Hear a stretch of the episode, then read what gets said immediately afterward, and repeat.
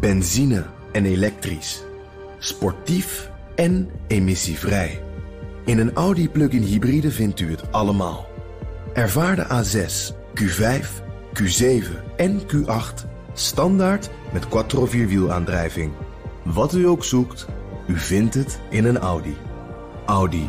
Voorsprong door techniek. De column van Bernard Hammelburg. Marcheren Nederlandse soldaten met hun NAVO-companen binnen enkele dagen naar Rusland? Is dit een artikel 5 kwestie? Een aanval op één NAVO-land is een aanval op alle. Wees maar eerlijk, iedereen die gisteravond hoorde dat er wellicht Russische raketten terecht waren gekomen op een Poolse graandrogerij, had diezelfde geconditioneerde reflex. De oorlog komt plotseling griezelig dichtbij. Zover gaat het hopelijk niet komen. De kans dat Poetin een moedwillige aanval doet op een NAVO-lidstaat is gering. Maar verontrustend blijft het. Poetin heeft inmiddels het grootste deel van zijn arsenaal aan precisieraketten weggeschoten. En de oudere generatie, die nu is ingezet, kan gemakkelijk een aantal kilometers zijn doel voorbij schieten. De geëxplodeerde graandrogerij ligt zes kilometer over de Oekraïns-Poolse grens. Die al dan niet verdwaalde Russische raketten waren onderdeel van een treurig record. Met bijna 100 raketten was dit het grootste bombardement sinds het begin van de oorlog. Dat de Oekraïners zich niet gemakkelijk laten intimideren is ruimschoots bewezen, maar de schade en het leed door de Russische mega-operatie zijn enorm.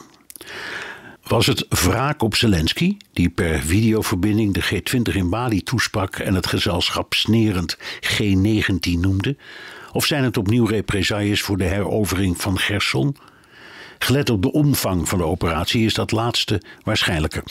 In elk geval legde het de illusie bloot die op de G20 werd gekoesterd. Dagenlang was er gesleuteld aan een verklaring over Oekraïne, wat leidde tot een veroordeling door de meeste G20-leden zonder unanimiteit en dus een papieren tijger.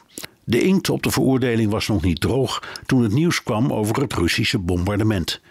Minister Lavrov van Buitenlandse Zaken stapte inmiddels op een vliegtuig en kneep er tussenuit. Dat kan niet anders zijn geweest dan opzet.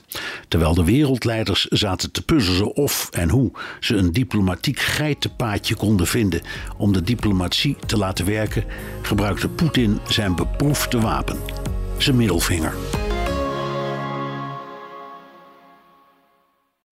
Benzine en elektrisch. Sportief en emissievrij. In een Audi plug-in hybride vindt u het allemaal. Ervaar de A6, Q5, Q7 en Q8 standaard met quattro vierwielaandrijving. Wat u ook zoekt, u vindt het in een Audi. Audi.